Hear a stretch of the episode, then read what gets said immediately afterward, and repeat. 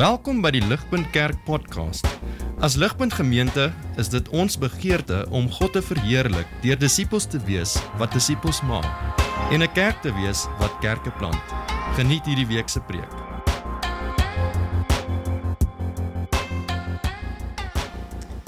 Eerste teksgedeelte 2 Petrus vers 9 tot 12. Julle egter is 'n uitverkore geslag, 'n koninklike priesterdom, 'n heilige nasie, 'n volk wat aan God behoort, sodat julle die deugde kan verkondig van hom wat julle uit die duisternis geroep het na sy wonderlike lig. Julle wat eers nie 'n volk was nie, maar nou volk van God is. Wat eers nie ontferming ontvang het nie, maar nou ontferming ontvang het. Geliefdes, ek dring daarop aan dat julle as bywoners en vreemdelinge julle weerhou van liggaamlike begeertes wat stryd voer teen die siel. Gedra julle goed onder die heidene sodat hulle wanneer hulle julle beswadder asof julle misdadigers is, God op die dag van besoeking kan verheerlik omdat hulle julle goeie dade gesien het. Mag genade en vrede in oorvloed aan julle geskenk word deur julle kennis van God en van Jesus ons Here. Sy goddelike krag het ons immers reeds alles gegee wat ons nodig het vir 'n Godvreesende lewe deur die kennis van hom wat ons deur sy majesteit en goddelike krag geroep het.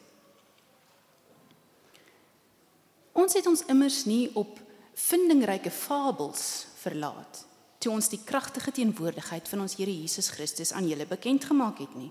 Inteendeel, ons was ooggetuies van sy ontzagwekkende grootsheid.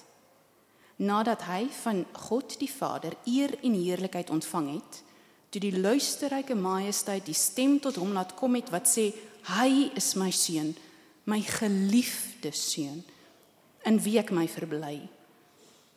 Het ons daardie stem gehoor? Ook gehoor wat uit die hemel gekom het terwyl ons saam met hom op die heilige berg was. En daarom beskik ons oor die profetiese woord wat nog vaster staan. Julle doen die regte ding om julle daarop te fokus. Soos op 'n lamp wat in 'n donker plek skyn totdat die dag aanbreek en die môre ster opgaan in julle harte. Dit moet julle veral besef. Geen profesie in die skrif berus op eie uitleg nie. Want geen profesie is ooit deur die wil van 'n mens voortgebring nie, maar meegevoer deur die Heilige Gees het mense die woorde gepreek gespreek wat van God afkomstig is.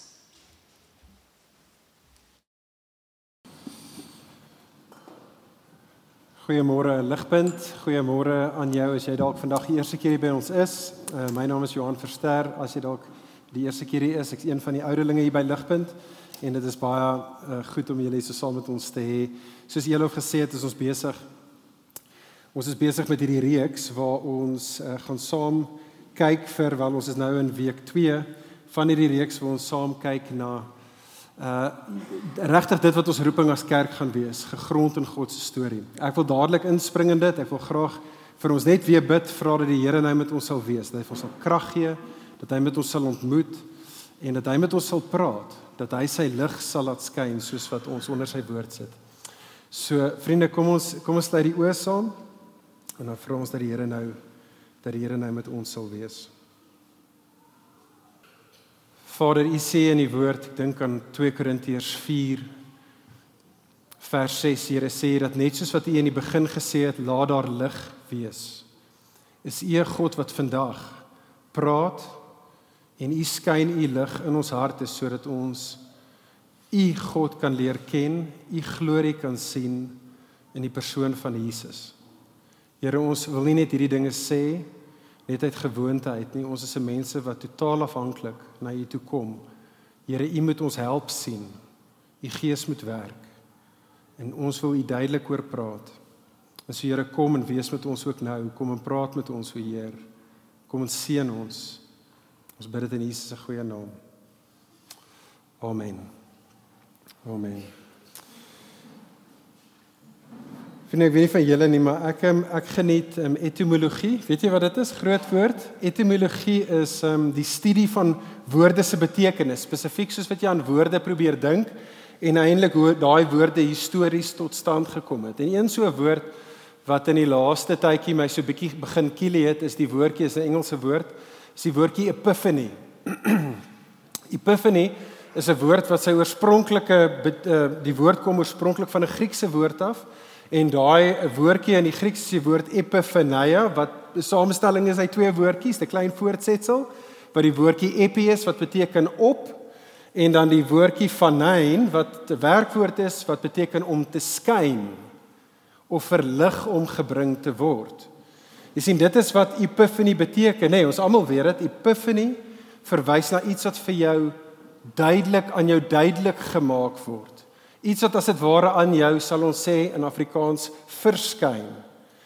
Met ander woorde lig, vriende word baie kere nê gebruik as 'n beeld. Lig word baie kere gebruik as 'n metafoor vir een of ander openbaring wat gemaak word. Ek weet nie of jy ooit staan gedink nie, baie van die taal wat ons beide in Afrikaans en Engels het, ehm um, juis wat oor lig is, het baie te doen met openbaring. Ons sal baie kere sê, ehm um, die hele tyd toe mense wetenskap half bietjie meer uitgefigure het. Ons praat dit van die era van enlightenment. Dis die tyd waar mense nou quote on quote verlig is, sal ons sê. Jy sal iets uitfigure of iemand sal iets aan jou verduidelik en jy sal sê, "Sjoe, dit was illuminating geweest. Ek het nou insig. Ek het nou insight. Daar's nou as iets het aangegaan en nou kan ek sien, sal ons sê. Ons sê in Afrikaans, nê, nee, Ah, ek het die lig gesien. In Engels sal jy sê it is a light bulb moment. Alles maniere taal vriende waar hierdie konsep van lig baie kere gebruik word as beeldspraak wanneer openbaring geskied. En so is dit ook met die Bybel. In feite ek dink dit is juis omdat hierdie in die Bybel 'n konsep is wat ek dink dit in ons alledaagse taal is. Maar so is dit verseker ook in die Bybel. Lig, vriende, word baie kere gebruik as beeldspraak van God wat homself openbaar. Wanneer ook al die mens in God se lig gebring word, is God besig om homself te openbaar. Wie kan dit omdraai wanneer ook al God homself aan die mens openbaar, dan word die mens, sê die Bybel, verlig. En dit is wat ons vanoggend oor saam wil gesels en saam oor wil dink, soos wat ons by hierdie reeks se tweede gedeelte kom. Laasweek het ons begin, soos Elof gesê het, met hierdie reeks gegrond in God se storie waar ons nadink oor ons roeping as 'n kerk. En ons het vandag weer gelees en ons het laasweek gesê dat die grondteks wat ons oor en oor na gaan kyk in hierdie reeks is 1 Petrus 2 vers 9 tot 12. Nou laasweek as jy nie hier was nie wil ek jou regtig uitnooi om te gaan luister want dit is belangrik vir want alles bou op wat ons laasweek gesê het. Maar laasweek ter inleiding vriende het ons gesien dat die kerk se roeping is gegrond in God se storie. Die kerk se roeping, dit wat ons as Christene en ons as 'n kerk behoort te doen, hoe ons osself mee moet besig hou, wat ons bestaansrede is. Vir ons om dit te verstaan, het ons nodig om onsself te grond in God se storie. Laasweek het ons gesien daai storie, die storie van die Bybel, dis in die eerste plek die storie van Adam en Eva, Dit is die storie van Israel en dis derdens die storie wat tot vervulling kom in Jesus en in elkeen van daardie kom ons noem dit hoofstukke in hierdie storie van God het ons gesien was die spesifieke roeping van God se mense. Dit wat God mense tot geroep het en gesê het hierdie is jou bestaansrede. Vir Adam en Eva, vir Israel en vir Jesus was dit uiteindelik spesifiek om koninklike priesters te wees. Konings en priesters op aarde namens God te wees. Dit is fundamenteel ons roeping. Wat dit beteken is ons is hierdie is hoe ons behoort te dink oor ons roeping as 'n kerk. Ons is 'n mense, 'n mense wat God se goeie heerskappy op aarde vergestalt en ons is 'n mense wat aanbidding van God en gemeenskap tussen God en mense fasiliteer. Dis hoekom ons hier is en dit is hoekom ons as die kerk geroep is. Die vraag nou is hoe gaan ons daardie roeping realiseer? Hoe gaan ons ons roeping as koninklike priesters vervul? En dit is wat ons nou vir die volgende 4 weke saam na kyk. En spesifiek ook so vandag vir die volgende 4 weke, vier waarhede vriende wat ons voor oë moet hou sodat ons ons roeping as 'n kerk sal kan vervul. En wat ons vanoggend nog gaan kyk is dit, hoor asseblief tog mooi. Ons gaan vanoggend sien vriende, en hierdie is die belangrikste ding van alles. Wat ons nodig het as gelowiges is dat ons het nodig meer as enigiets anderste in hierdie wêreld het ons nodig om ons God toenemend meer intiem te ken. Dit is die grootste ding wat ek en jy nodig het in hierdie lewe is om ons God te ken. Kyk saam met my daar na daai eerste versie in ons grondteks, 1 Petrus 2 vers 9. Petrus beskryf hier gelowiges as mense wat uit die duisternis uitgeroep is en in God se wonderlike lig ingebring is. En so hier is amper soos my teses wat ek ons van wil uit die Bybel uit vanoggend wil oortuig. Hierdie is die punt van vanoggend vriende, 'n mense wat in God se lig ingebring is. Is 'n mense wat juis geroep was sodat hulle God sal ken. Om iemand te wees wat uit die duisternis uit in God se lig ingebring word. Die bedoeling daarvan, God se hele rede hoekom hy ons roep in sy lig in, is dat ek en jy hom toenemend persoonlik intiem sal ken. Dis al wat ons vandag oor gaan gesels. Ek wil hê ons moet hardloop baie vlugtig deur die storie van die Bybel, die bergpieke van die storie en dan om te sien dat die hele storie is 'n storie van God wat sy lig laat skyn sodat ons hom sal ken En dan gaan ons saamgesels oor drie praktiese implikasies vir ons roeping as kerk. Nou hoor asseblief mooi, toe ek nou net, ek het as prins daai woorde gebruik. Toe ek gesê het ons gaan vandag kyk na die bergpieke van die storie van die Bybel, het ek dit heeltemal letterlik bedoel. Wat ons vandag doen is ons gaan kyk na die bergpieke, die letterlike bergpieke soos wat ons dit vind in hierdie storie wat die Bybel aan ons vertel. Ek weet nie of jy hiervan bewus is nie. Maar berge is nogal 'n big deal in die Bybel. Het jy dit geweet?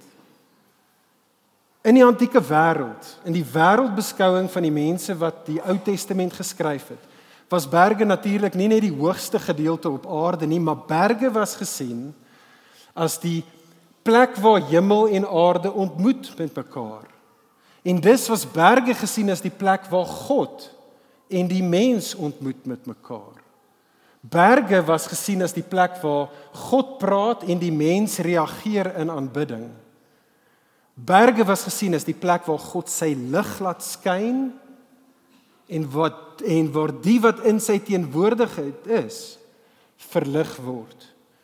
En so ek wil hê ons moet daai storie sien. Ek wil hê ons moet die bergpieke sien wat juist daai punt maak. Hier vriende volg die storie van die God wat sy lig laat skyn. En die storie begin met die storie van Adam en Eva. Kyk saam met my ook op die skerm. Die storie begin met die storie van Adam en Eva. Die Bybel begin met duisternis. Genesis 1 vers 2. En die Bybel begin met God dan baie belangrik wat wat doen? Hy praat. Hy spreek 'n woord. God sê Genesis 1 vers 3, laat daar lig wees en vers 4, God het die lig gesien, sê die skrywer en God het besluit en gesê hierdie lig, dit is goed. Dit is die definisie van goed. Nou baie belangrik vriende, wanneer ek en jy Genesis 1 en 2 lees, die skepingsverhaal, dan verwys Genesis 1 en 2 na werklike historiese gebeure. Daar was 'n tyd en plek op aarde toe God hierdie wêreld geskep het. Dit is so, maar wat ek en jy ook moet verstaan, saam met die feit dat dit werklike historiese gebeure is, dat ek en jy nodig om te verstaan dat die res van die Bybel baie keer Genesis 1 veral en daai versies wat ek nou net aangehaal het gebruik om 'n om 'n metaforiese punt te maak. Dat dit kommunikeer vir ons iets oor God en hoe God werk in hierdie wêreld. Soos ek net nou gebid het uit 2 Korintiërs 4 vers 6. Haal hierdie eerste vers uit Genesis uit om te sê God wat sy lig laat skyn is God wat besig is om homself te openbaar. En dit is vriende wat ons sien reg in die begin van die storie. Genesis 2 vers 3 begin met hierdie woorde. Hierdie is die opskrif van Genesis 2. Dit begin met die woorde die dag toe die Here die hemel en die aarde gemaak het, maar in hoofstuk 1 het dit God gesê dat hy het die lig die naam dag gegee. So die dag verwys na lig. So wat ek en jy het in Genesis 2 is hierdie toneel, dit is hierdie prent van hoe lyk 'n wêreld wat in God se lig woon en wandel. En dit is die plek Eden. Die plek waar God se lig skyn en waar die mens in sy teenwoordigheid is. Nou, jy mag dit dalk nie geweet het nie, maar die tuin van Eden is 10 teen 1 in 'n bergagtige gedeelte. Die teks insinieer dit vir ons in Genesis 2 vers 10 waar ons vertel word hier uit Eden uit vloei 'n rivier wat vier sytakke, vier kleiner riviere word. En dit is hoe die res van die Bybel na Eden kyk. Esegiel 28 asook Openbaring 21 en 22 verwys en ten minste insinieer dat Eden was in hierdie bergagtige gedeelte gewees en so probeer die toneel sien wat die skrywer vir ons wil skep. Hier is hierdie plek, ons noem dit dag, die plek waar God se lig skyn. En hier op hierdie bergagtige plek is God en hy is in gemeenskap met die mens. Hierdie God praat met die mens en hulle luister na hom. God en die mens woon en wandel met mekaar en hulle is naak, ongefilterd kan hulle hierdie God ken en hierdie God ken hulle. Hulle kan hom sien en hom waarlik ken vir wie hy is. Maar dit bring ons by die tweede gedeelte in die storie. Die storie van Israel. Die storie van Israel. Jy sien in Genesis 3, Adam en Eva verwerp nê nee, God se woord. Hulle word uit Eden uitgedryf. Die res van die Bybel noem daai plek buite die tuin noem die res van die Bybel duisternis.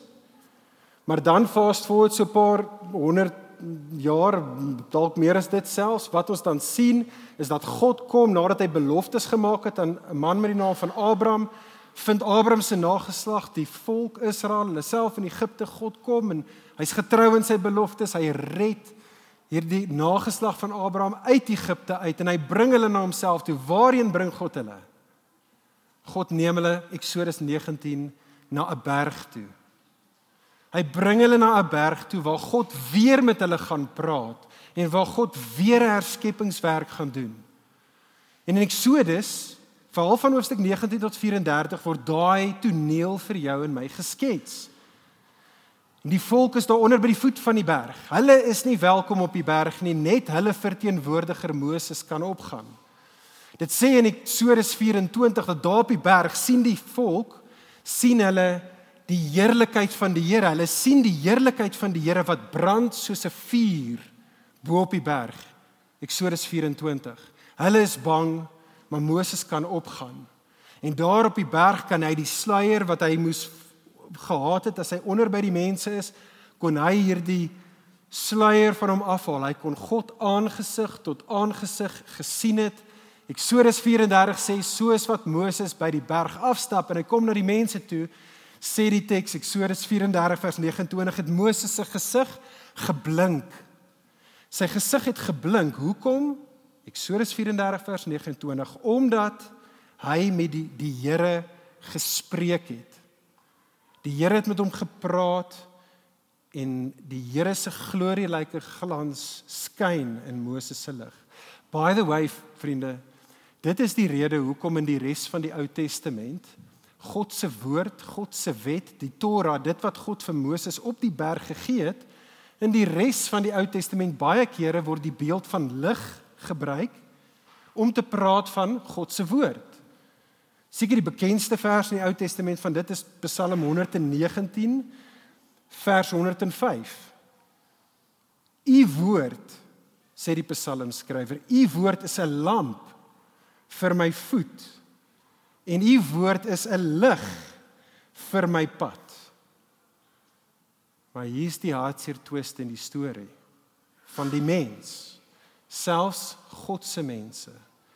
Net soos Adam en Eva het Israel nie in God se lig gewandel nie. Hulle het God se woord net soos Adam en Eva verwerp en hulle was uit God se plek uit, was hulle uitgeskuif in daardie plek wat die profete genoem het die duisternis.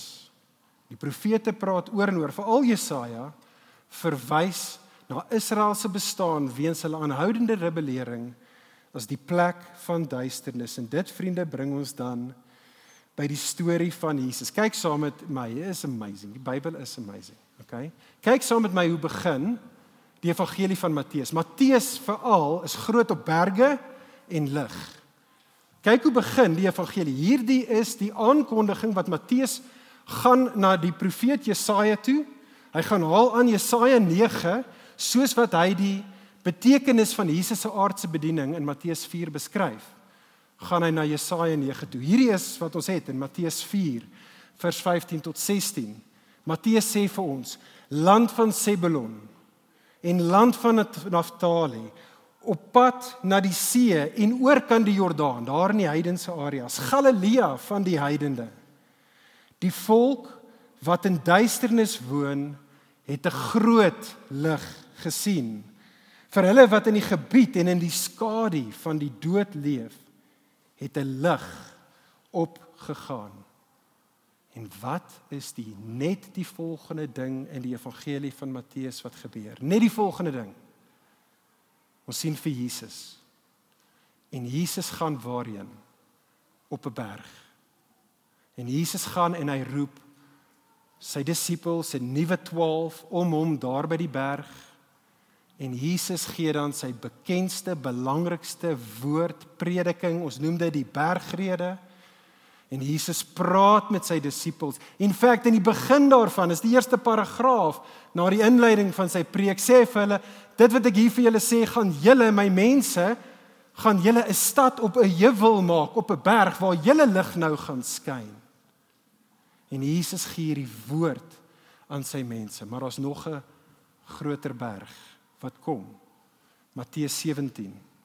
In Matteus 17 sien ons dat Jesus gaan en ek vertel ons dit net jy kan dit later gaan lees ons het nie tyd om by elkeen van dit te stop in die Matteus 17 vertel Matteus ons hoe Jesus dan net voor hy kruisdood toe gaan waar hy op 'n ander heuwel gaan sterf en duisternis gaan ervaar net voor dit kom Jesus Matteus 17 en Jesus klim weer op 'n berg hy vat sy 3 kom ons noem dit maar gunsteling disippels saam met hom hy vat vir Johannes en vir Jakobus en vir Petrus Hy vat hulle drie saam met hom bo op die berg.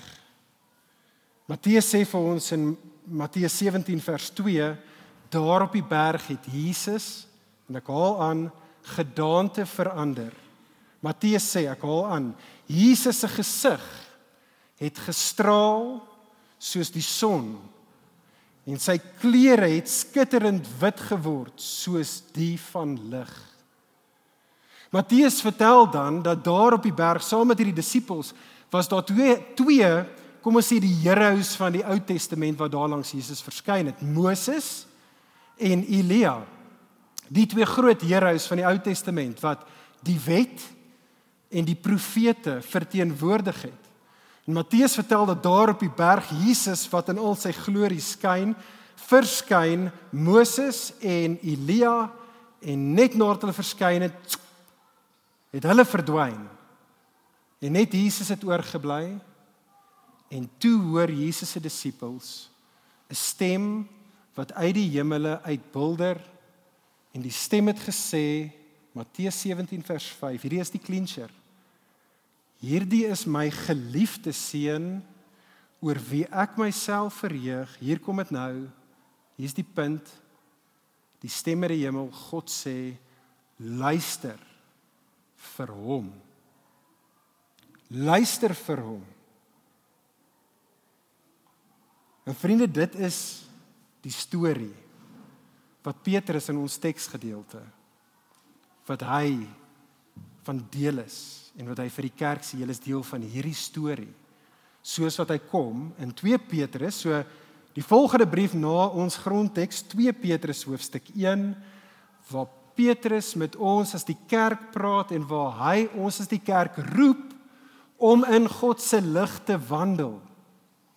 Kyk saam met my. Ons gaan baie vinnig net na 'n paar van daai verse. Ons gaan nie hier alles mooi werk nie, maar tel asseblief jou Bybel of daai teksgedeelte op laat ons hier kan sien. Ek wil hê ons moet die logika sien, die die vloei van wat Petrus se argumente hier is. En onthou nou, onthou die storie van hierdie God wat sy lig laat skyn. Kyk saam met my na vers 2. Petrus begin sy tweede brief. Hy praat met Christene in die eerste eeu, heidene van 'n heidense agtergrond. Petrus sê vir hulle vir ons mag genade en vrede aan julle geskenk word. Stop net daar. Vriende, besef jy dit? Besef jy dit?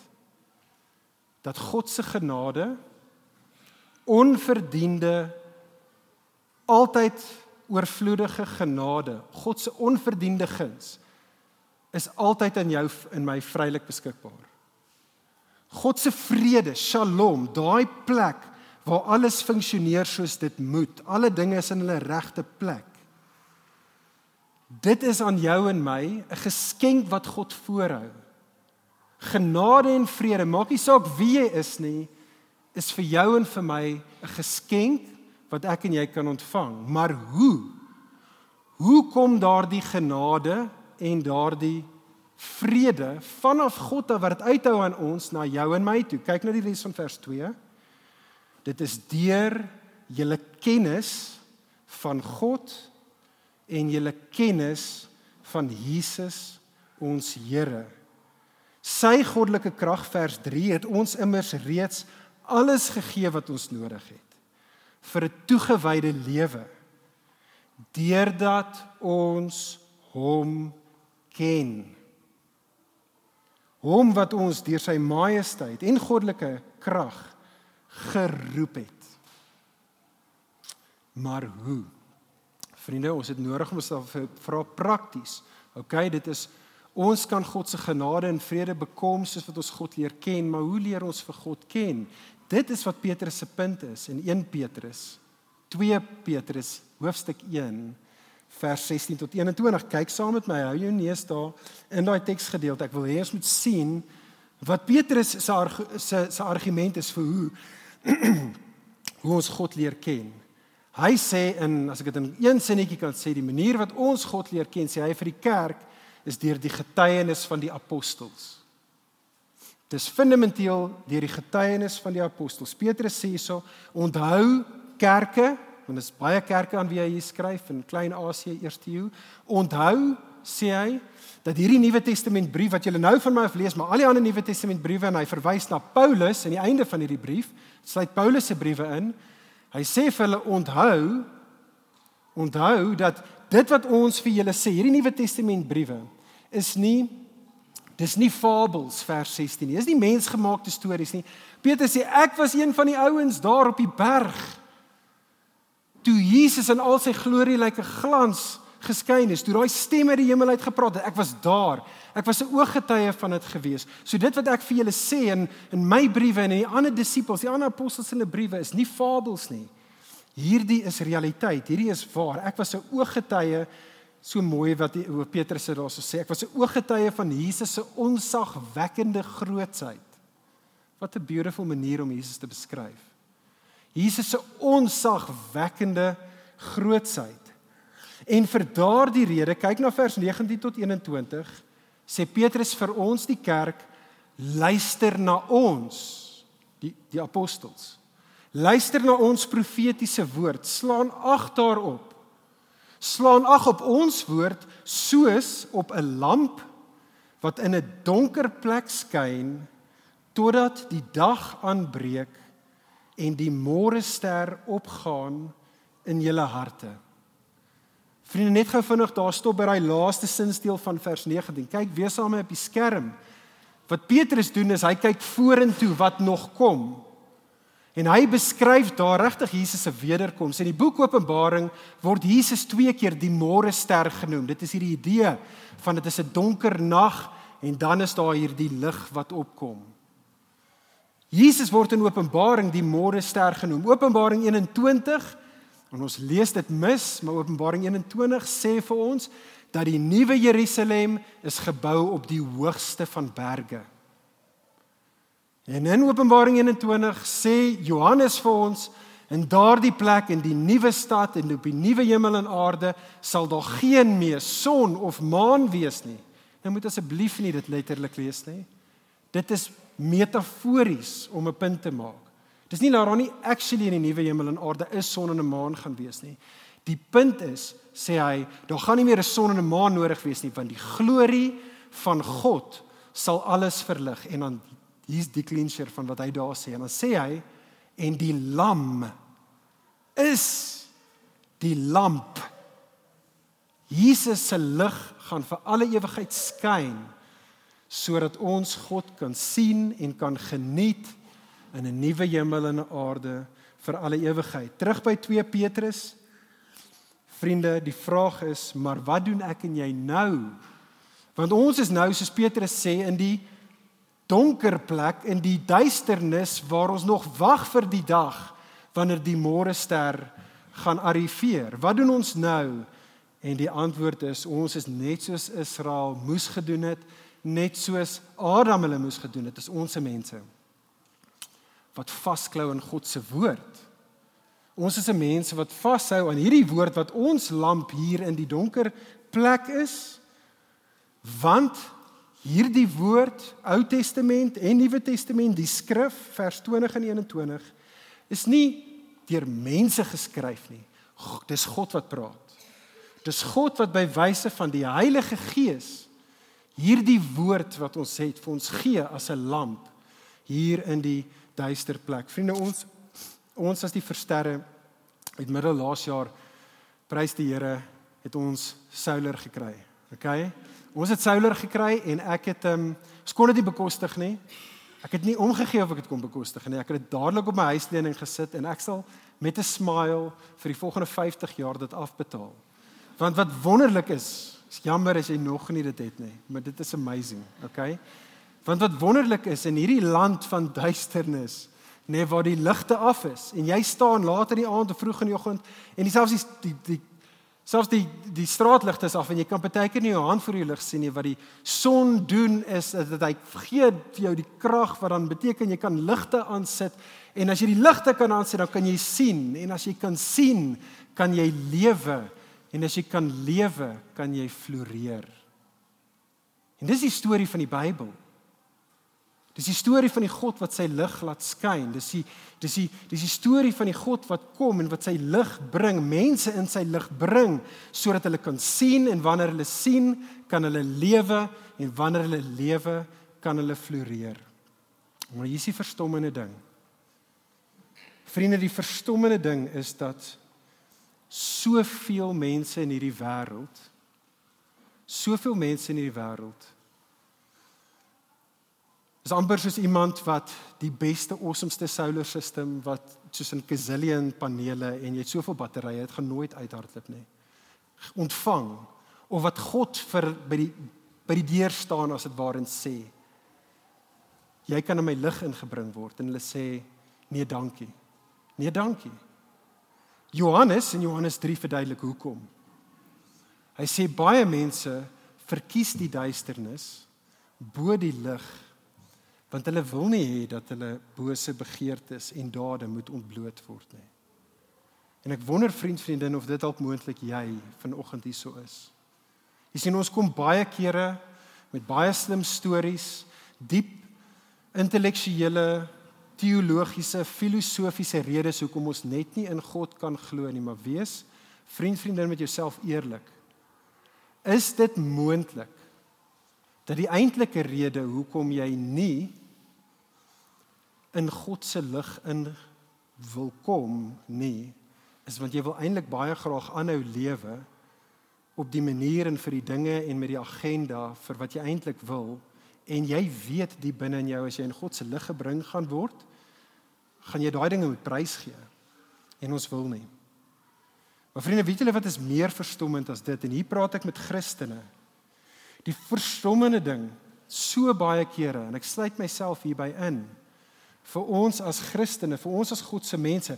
Ons is die mense wat in die lig gebring is. Ons het hierdie amazing beste van solar system ontvang.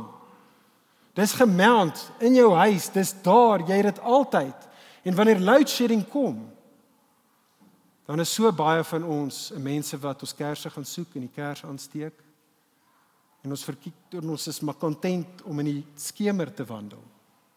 Ons is al content daarmee. En al die lig is daar vir jou en my om in te wandel. Christen, is dit moontlik jy, is dit ons? Al wat ek nou wil hê ons moet doen vir die laaste paar minute saam is ek wil hê vriende onthou ons is besig om te dink oor ons as gelowiges, maar meer spesifiek 'n geloofsgemeenskap oor ons roeping. En ek wil hê ons moet oor drie implikasies daarvan praat, spesifiek as ons die storie onthou van die God wat sy lig laat skyn. Wat is die implikasies vir ons as 'n kerk dan, soos wat ons onsself wil besig hou met die dinge van God as God se mense in hierdie wêreld? Drie implikasies baie vinnig. Eerstens vriende, ons word geroep eerstens om 'n Jesus gefokusde mense te wees. Gaan dit weer sê. Ons word geroep dan eerstens om 'n Jesus gefokusde mense te wees. Vriende, die duidelikste plek op aarde waar God homself bekend maak, die plek waar God se glorieryke glans die duidelikste skyn, waar God geken kan word vir wie hy werklik is. Daardie plek is 'n persoon en dit is Jesus. Jesus is God wat mens geword het. Dit is hoe Johannes begin hè. Ek gaan net 'n paar van daai versies vir ons vinnig lees. Hoor dit, kom nie op die skerm nie, maar souk dit in. Dit is hoe die evangelie van Johannes begin om dieselfde punt te maak as wat ons oor vanoggend praat. Johannes 1 vers 1 in die begin was die woord. En die woord was by God. En die woord self was God. Hy was in die begin by God. Vers 4 in hom, in die woord in Jesus. In hom was lewe en die lewe was die lig vir die mense. En die lig skyn. Die lig skyn in die duisternis en die duisternis kon nie en kan nie dit uitdoof nie. En so ligpunt ons roeping dis kom ons wees 'n Jesus mense. Ons glo by ligpunt totaal en al in die drie enige God. Vader, Seun en Heilige Gees. Maar die manier vriend, eh, vriende wat ek en jy gemeenskap met die drie-enige God geniet is fundamenteel in Jesus. Johannes 1 vers 18. Niemand kan die onsigbare God sien nie, maar die woord God wat vlees geword het, wat in die Vader se gesig perfek was, hy het gekom om die onsigbare God aan jou en my te kom bekend maak. En so kan ek jou uitnooi, besef dit, verwag dit hier by Ligpunt. As jy vandag die eerste keer is of vanaf Januarie die eerste keer by Ligpunt is, hierdie is onbeskaamd die tipe van kerk wat ons is. Jy, jy gaan hier baie Jesus kry. In die prediking gaan jy baie Jesus kry en die liedjies wat ons sing gaan jy baie Jesus kry. In die gebede wat ons bid gaan jy baie Jesus se naam hoor. In ons ligpunt gesinne gaan jy dit hoor. Wanneer jy berading ontvang hier gaan jy van Jesus hoor. Jy gaan die taal van die evangelie die heeltyd hoor by ligpunt. Evangelie voor en agter, links en regs en bo en onder want die evangelie volgens die Nuwe Testament is bloot die getuienis aangaande Jesus. Ligpunt kan ek ons aanspoor, gelowige kan ek jou aanspoor. Kom ons maak opnuut Jesus die fokuspunt van ons lewens. Dis hoe die Nuwe Testament praat. Sê vir ons bo al die ander dinge wat jy jou hart op sit en jou gedagtes op fokus. Sit jou hart, rig jou hart en jou gedagtes op Jesus. Kom ons wees so kerk wat dit doen. Want dit is in Jesus waar ek en jy die goeie lewe gaan geniet. Soos Jesus self gesê het toe hy met sy Vader gepraat het, Johannes 17 vers 3, hierdie is die ewige lewe, hierdie is die oorvloedige lewe sê Jesus. Dat hulle U ken, die enigste ware God en ook hom wie U gestuur het. Hier is die tweede ding wat ons tot geroep word, vriende. Ligpunt, ons as 'n kerk word geroep om dus 'n woordgesentreerde mense te wees. Jesus self en die apostels oor en oor maak dit duidelik dat die heilige geskrifte gaan uiteindelik oor Jesus. Hy is die onderwerp van die hele Bybel. Byvoorbeeld Lukas 24, Johannes 5, 2 Timoteus 3, 2 Petrus 1 maak daai punt wat ons nou net gelees het, maak daai punt pertinent. Vriende, hoor mooi wat dit beteken en dink net gou saam met my oor wat dit beteken.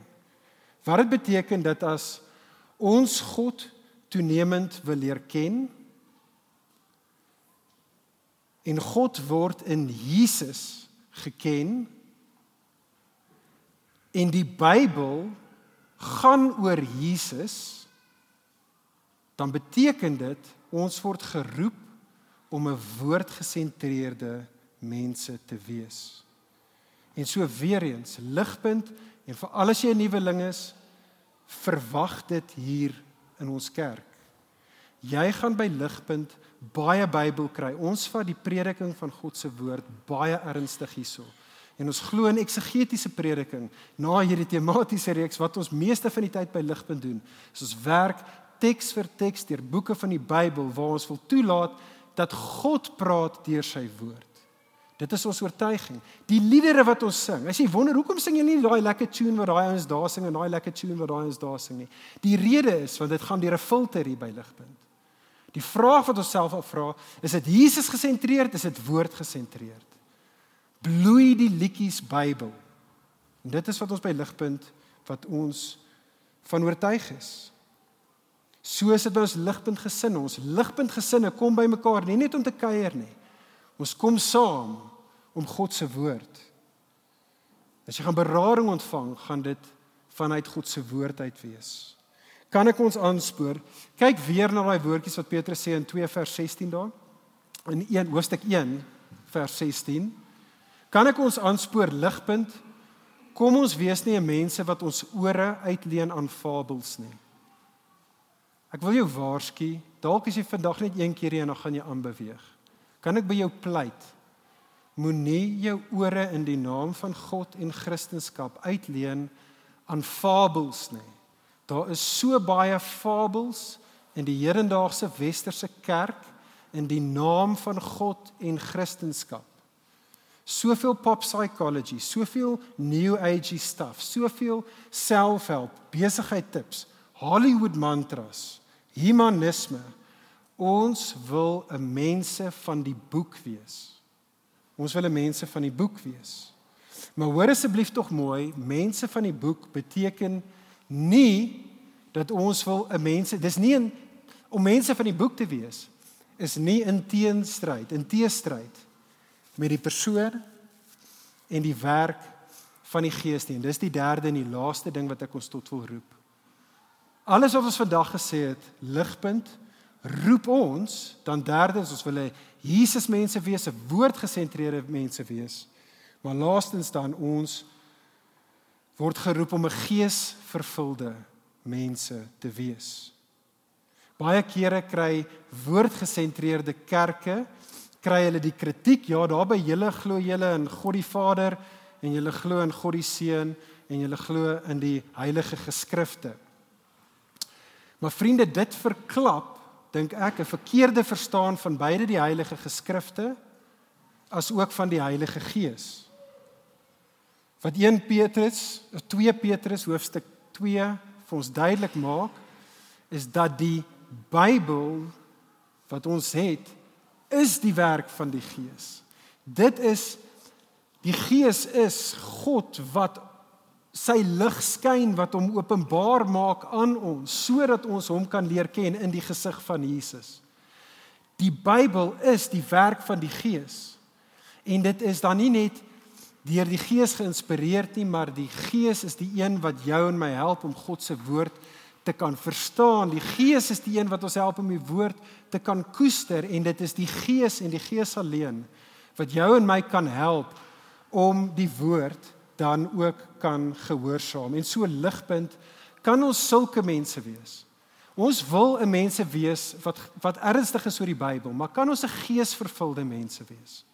Want ek sê vir jou ons baie daar's baie blote dooie intellektuele Christene daar buite wat nie geesvervuld is soos wat hulle na die Bybel toe kom nie. En ons wil nie so 'n kerk wees nie, ligpunt. Die Bybel is nie dooie letters wat geskryf is op papier nie. Die Bybel is lewendig. Elke keer wat ek en jy na die Bybel toe kom, moet jy na die Bybel toe kom soos wat Moses na daai berg toe gestap het. Elke keer kom ons na die Bybel toe, geesvervulde mense kom na die Bybel toe met heilige ontzag. Ons kom na die Bybel toe met 'n die diep nederigheid, altyd onder God se woord. Ons staan nooit bo oor daai woord nie. Ons kom na die Bybel toe bidtend. Altyd bidtend want ons weet as die Gees nie gaan werk nie, gaan ons niks hoor nie. Niks gaan gebeur nie. Ons gaan niks sien nie. En ons kom na die Bybel toe nie bloot vir kopkie om kopkennis te bekom nie. Ons kom ook nie na die Bybel toe om net 'n ervaring te hê nie. Hoor mooi, ons kom na die Bybel toe. Dis wat geesvervulde mense doen. Ons kom na die Bybel toe met die verwagting en die voorneme om deur die Bybel, deur God wat met ons praat, verander te word. Die Heilige Gees se agenda, vriende, is om die die Heilige Gees se agenda is dat die heilige geskrifte ons 'n heilige mense sal maak. En so ek sluit hiermee af. Ek gaan afsluit met 'n laaste versie. 'n Laaste versie. Ja, mense wat my ken sal vir julle sê dis een van een van Poen se se favourite verse. 2 Korintiërs 3 vers 18. Dis treffend. Ons gaan net hierdie versie lees en vir ons bid. Maar maar maar, maar Paulus in 2 Korintiërs 3 vers 18 nadat hy 'n hele hoofstuk spandeer het om ons te herinner en vir die kerk daar te herinner aan Moses wat op die berg gegaan het. Moses wat opgegaan het en hy kon die sluier wegvat en daar op Sinaï kon Moses God in al sy glorie gesien het, maar net Moses het daardie voorreg gehad. Dan gaan Paulus en hy sê Christene julle het dieselfde voorreg. Julle het dieselfde geleentheid wat net Moses gehad het. Julle het dit nou. 2 Korintiërs 3 vers 18. Ek sluit hiermee af. And we Christene, we all with unveiled face, sonder die sluier, beholding the glory of the Lord, are being transformed into the same image from one degree of glory to another. For this comes from the Lord who is the spirit. Ligpunt mag ons so 'n geloofsgemeenskap wees waar die glorie van God in die gesig van Jesus en die krag van die Gees ken en geniet. Kom ons bid saam. Vader, ons loof en ons prys U. Ons dank U dat in hierdie duister wêreld, Here, hoef ons nie in die duisternis te wandel nie. Ons kan in die lig woon en wandel. Vader, ons kan U ken. Hoe goed is U nie, die God wat U self openbaar. Here, wat 'n avontuur is die lewe nie in 'n wêreld waar ons toenemend kan sien en kan geniet soos wat ons met U gemeenskap het. Ag o Gees, ons bid en vra, kom en doen 'n nuwe werk in ons as 'n kerk. En maak ons so 'n kerk vir ons eie beswil, vir die goed van die wêreld en uiteindelik vir U verheerliking. Amen. Vir meer inligting oor Ligpunt Kerk, besoek gerus ons webwerf op www.ligpunt.com of kontak ons gerus by info@ligpunt.com